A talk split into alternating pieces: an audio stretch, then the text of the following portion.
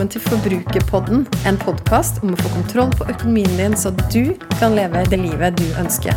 Jeg heter Kjersti Grønseth, er trebarnsmor og økonom, og er kanskje aller best kjent som forbrukerfrue.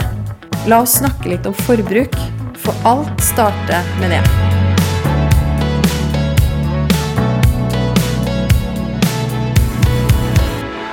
Jeg har fått spørsmål fra flere de siste ukene om hvordan jeg sparer, og hvordan jeg prioriterer pengene mine akkurat nå, og hva folk bør gjøre. Ja, for hvordan bør vi egentlig prioritere pengene i de usikre tidene vi er inne i nå? Flere jeg kjenner har blitt permittert helt eller delvis, og bankene melder om at de får rekordmange søknader om avdragsfrihet på boliglån. Ingen av oss vet hvor lenge dette kommer til å vare, og hvor store konsekvenser den situasjonen egentlig vil få. Felles for oss alle likevel at vi blir tvunget til å tenke over økonomien vår og hvordan det står til med den. Få oversikt, ta kloke valg, ta tak i ting. Ja, De av dere som har hørt tidligere episoder av Forbrukerpodden, eller som følger meg i sosiale medier, kjenner godt til min kakemodell, hvor jeg snakker om hvordan jeg fordeler inntekten min i løpet av en måned. Det største kakestykket heter Leve og består av 60% av inntekten. De andre er på 10% hver og heter Nyte, Gi, drømme og sikre. Hvordan ser denne kaka ut nå, og hva består de ulike kakestykkene av? Jeg vil gjerne dele mine prioriteringer med deg, og så er mitt ønske at du skal få tanker om hvilke konkrete grep du kan ta i din egen økonomi. Først og fremst, inntekten vår var litt redusert nå i mars, men det er også levekostnadene. La oss begynne der. Den dagen sentralbanken satte ned renta nå i mars, så sendte jeg mail til banken hvor vi har boliglånet, og spurte om de kunne sette ned renta vår. Ja, De svarte at de måtte vente på rentemøte. Og så spurte jeg ivrig på mail da i løpet av et par dager igjen. Og da hadde de hatt rentemøte, renta var satt ned, og den nye renta vi har fått, gjør at vi sparer ca. 9000 i året. Har du sjekka hvilken rente du kan få? Skaff deg oversikt og kunnskap. Gå inn på finansportalen.no under boliglån, så kan du sammenligne ulike banker og finne de beste rentebetingelsene. Bruk dette enten overfor din eksisterende bank, og om de ikke kan sette ned renta, kan du rett og slett vurdere å bytte bank. Hvis du har blitt permittert, kan du spørre banken om avdragsfrihet. Det samme med studielånet. Visste du at alle som betaler på studielånet sitt, kan utsette betalingen inntil 36 ganger, dvs. Si tilsvare tre år? Du trenger ikke å oppgi grunnen til at du ber om utsettelse, og du kan gjøre det enkelt via dine sider på lånekassen.no. Neste store post i levekostnadene er mat. Vi holder oss fortsatt til budsjettet vårt på 5000 kroner i måneden, vi. Ja, jeg tror kanskje vi bruker litt over budsjettet i den perioden her, hvor alle er hjemme og vi finner mye glede i å samles rundt bordet. Samtidig har det at vi er mye hjemme, gjort oss enda bedre på å bruke opp det vi har tilgjengelig av råvarer.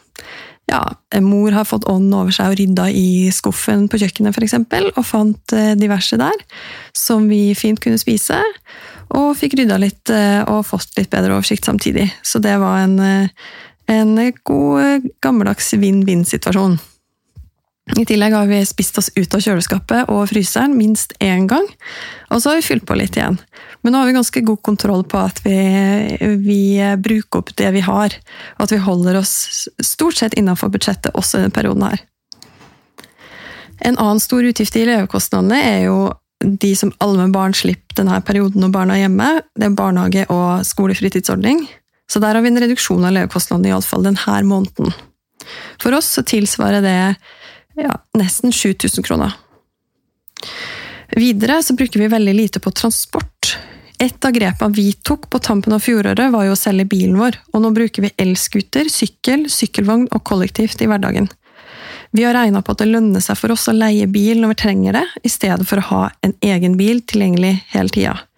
Det ble jo plutselig veldig lønnsomt da, i en periode når vi uansett ikke får lov å bevege oss så mye rundt.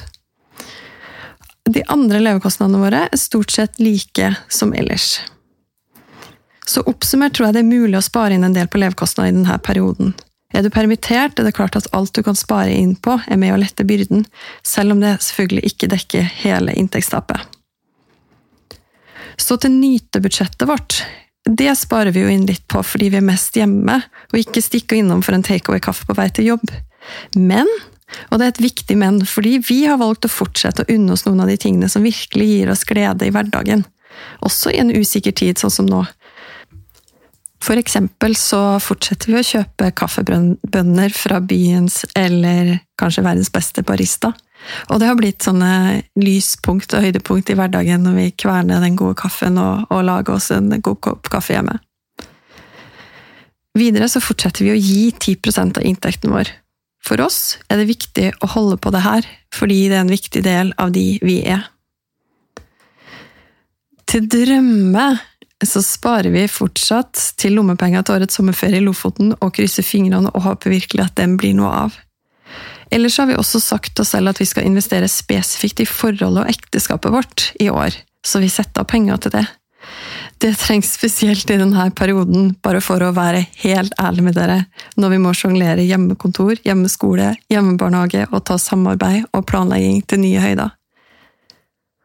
Så til det siste kakestykket, sikre. Noe av det jeg er aller mest glad for at vi prioriterte i vår egen økonomi i fjor, var å bygge en buffer på 150 000 kroner, som tilsvarer tre måneders levekostnader for oss. Vi vet ikke hva som skjer framover, men vi vet at vi er rusta til å tåle en god del med de her pengene på konto. Hvis du ikke har buffer, anbefaler jeg deg å gjøre alt du kan for å spare opp penger på konto, så du kan bygge økonomiske buskler til å tåle det som måtte komme.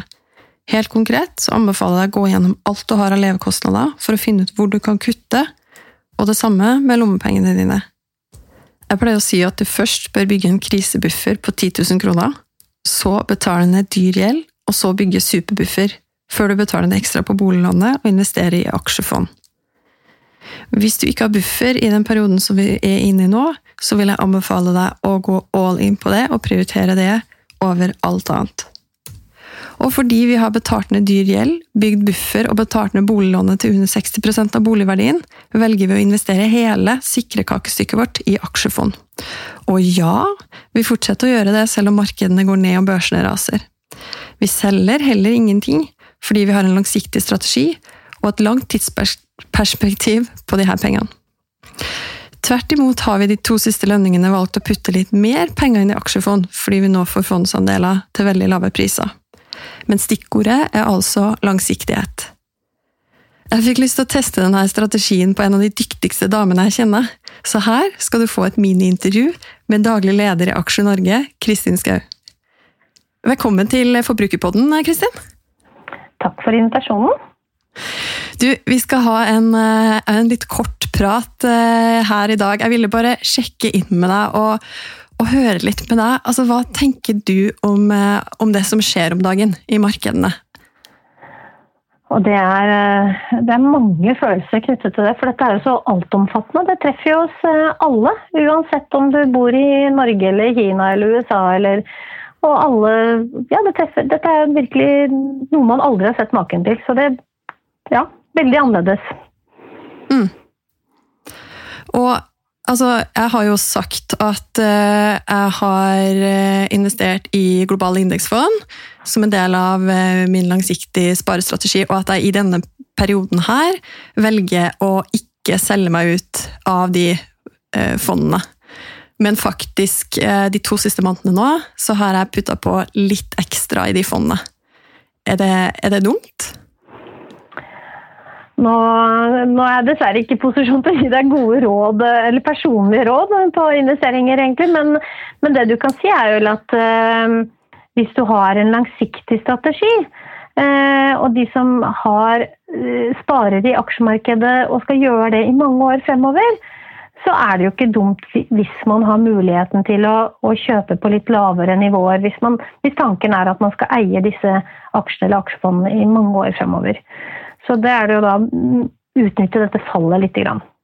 Ikke sant? For jeg har jo, og det, det, har jo vært et av mine viktigste poeng nå, at disse Og det skjedde jo før koronakrisen og alt det, at de pengene jeg har investert i, i fond, de har jeg jo, det er jo den langsikt, mest langsiktige sparingen min. Så den har jeg jo mer enn tiårsperspektiv på. Og da har jeg tenkt litt sånn, ja men jeg tror jo at verden skal bestå, jeg tror jo at vi skal komme oss gjennom denne krisen. Og derfor så velger jeg da å, å sitte med det jeg har. Kan man tenke sånn? Ja, og det tror jeg er ganske riktig og, og godt tenkt, egentlig. fordi på når vi blir ferdig med dette, med viruset, om det tar eh, to måneder til eller et år eller hva det tar, så skal vi fortsatt spise mat. Vi skal fortsatt flytte på oss. Vi skal fortsatt uh, snakke med hverandre på en, på en, måte, og vi skal være ja, Vi skal jo leve videre. Og, og, alt dette er jo med på å skape verdier for de selskapene som leverer de tjenestene vi vil bruke i fremtiden. Da. Så jeg tenker at eh, det å ha et godt og langsiktig perspektiv sånn som situasjonen er nå, det tror jeg er veldig viktig for å kunne oppnå avkastning på sikt. Ja, og det har jeg hørt deg si før, Kristin, at man må huske på at når man investerer i aksjemarkedet, så, så, så investerer man jo i selskaper som, som nettopp skaper verdi. Og det, mm. det jeg synes har vært så fint når jeg har hørt deg si det før, for det gir et sånn fint perspektiv på hvor jeg er med å putte pengene mine. Og også det at eh, det er veldig betryggende å høre at du sier det, ja, men vi skal jo fortsette med disse tingene etterpå. Etter mm. at uh, hjemmekarantenen er over, og sånn, så skal vi jo tilbake og leve livet som normalt igjen, og også benytte oss av alle de tjenestene og kjøpe de varene som vi, som vi vanligvis gjør, osv. Ja, jeg tenker at eh, Forhåpentligvis så får vi et, eh, et fortsatt eh, liv etter dette her. Og, men spørsmålet er jo da liksom, hvordan kommer vi til å modifisere hvordan vi lever, og kommer det til å endre seg på måten vi, vi har sosial kontakt? Kommer det til å endre seg hvordan vi, jobber? Og her er det jo kanskje noen muligheter for de som, som har ja, evnen da, til å se, se, nye muligheter i enten teknologi eller helse eller hva det måtte være. Men det er jo ikke noe tvil. altså Hvis menneskeheten skal bestå, så kommer vi fortsatt til å spise mat og kle på oss klær, og vi kommer til å være sosiale på en eller annen måte. ja, ikke sant. Men så er det jo altså Man kan jo få panikk. altså eh, Det er i hvert fall ikke noe vits å gå inn og sjekke nettbanken og se hvordan det står til med, med disse fondene fra dag til dag, for det kan jo være gode nyheter den ene dagen, og så, og så stuper det veldig igjen dagen etter. Så man kan jo forstå at man kan få litt panikk, og så, og så få et ønske om å selge seg ut på et eller annet tidspunkt nå. Ja, og det er ikke vanskelig for panikk. For det, det som er, er at med en gang eh, når markedene går bra, så tenker vi at jøss, dette var et klokt valg. Og vi mennesker er veldig enkle, vi trenger ofte en bekreftelse på at de valgene vi tar, er gode. Men med en gang det går imot oss, og spesielt da kanskje i aksjemarkedet, og sikkert eh, slik på boligmarkedet òg, så får vi litt uh, hetta. For dette er jo hardt opparbeidede penger. Vi jobber jo hver, uh, ja, hver dag og, og synes vi fortjener lønnen vår og, og sparer penger og legger til side. Og da er det jo forferdelig å se at disse pengene du har jobbet hardt for, de eh, reduseres i verdi. Og, det, og, da blir vi plutselig ikke så veldig gode til å være langsiktige. Vi er kanskje ikke like flinke til å tenke at dette er faktisk noe vi ikke skal bruke i overmorgen eller om to måneder. Og da blir vi fort irrasjonelle. Og det er det skumleste med sånne store svingninger i markedene som vi har akkurat nå. At vi slutter å være rasjonelle og tenke like klokt som vi kanskje gjør i jobben vår, da, med de prosjektene vi måtte ha der. Så, så, plutselig så blir vi veldig irrasjonelle, og det er det som er det skumle med aksjemarkedet og sparing. Det er at vi lar følelsene styre oss. Eh, og da, da er det lett å, å, å gå på en smell. Hmm. Ja, og apropos smell, så der, der vet jeg at du har eh, erfart dette litt sånn smertelig på kroppen selv. Altså, ta oss tilbake til finanskrisen og høsten 2008. Hva, hva skjedde da for din del, Kristin? Nei, jeg var jo hjemme i mammapermisjon og kjempefornøyd og kunne følge med på aksjemarked og hadde tid til å følge med og handlet og var kjempefornøyd. Og, og så plutselig så smalt det jo. Og I starten så skjønte man ikke egentlig at dette falt, og hvor mye det skulle falle. Eh, men så falt det litt til, og så tenkte jeg nei, dette her vil ikke jeg være med på. Dette er eh, nok en gang ikke sant, hardt opparbeidede penger. Jeg visste jo ikke hvor lenge jeg skulle være i mammapermisjon. Det var vanskelig for barn i barnehage. Og følte at jeg har ikke råd til at pengene mine taper seg noe særlig mer i verdi enn kanskje 20-30 Så jeg gikk jo da ut av markedet og, og, solgte absolutt alt jeg hadde i fond, og tenkte at uh, det får bare, da kan det falle av videre. Og det gjorde det jo. Og da når det, når det var, falt enda mer enn uh, det jeg hadde vært med på først, så tenkte jeg yes, jeg er genierklært, dette var kjempesmart. og, og, følte liksom når det, For markedene falt jo med både altså 50-60 litt avhengig av hva du hadde investert i. Og, og så stort fall var jo ikke jeg med på. Men utfordringen var jo at hverdagen tok meg igjen. ikke sant? Med andre ting å tenke på. Små barn og ny jobb og alle de tingene der. Og jeg kom jo meg ikke inn i aksjemarkedet igjen.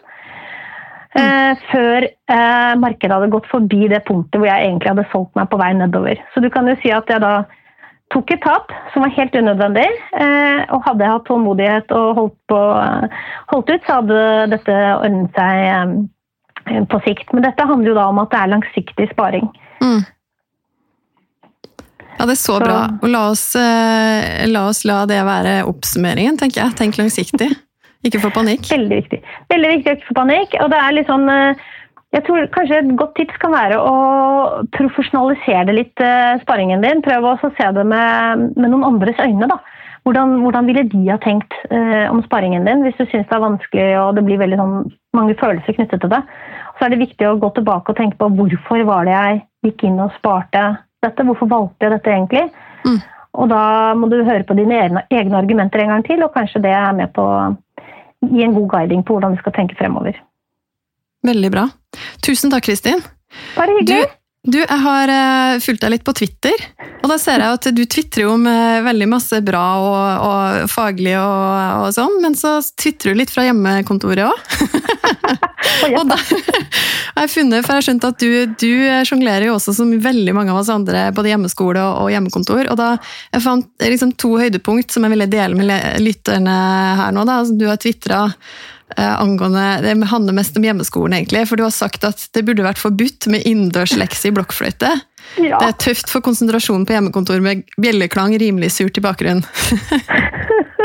det var veldig fint. Og så kommer det en til. Har du en høne? Ulempen med hjemmeskole er maset om dyr. Nå skal venner få høner, og det ønsker to av fire her også. Så mine litt sære spørsmål. Bråker fire høner i havet mye? Lukter det ikke ille? Hvor lenge lever en høne? Likt av naboer? Spørsmålstegn. Jeg syns det var veldig fint. Det er hardt å være på hjemmekontor. vet du. Får, ja. Eh, får, impulser som du ikke får i jobbhverdagen. Og du slipper egentlig ganske billig unna å være busy sånn fra, ja, fra sju om morgenen til eh, fire-fem hver dag. Da slipper du hønespørsmål og blokkfløytespilling. Det, det er helt det, fantastisk. Litt berikende. Men det kan hende vi savner det senere, da. Ja, ikke sant. Ja, det tenker jeg òg.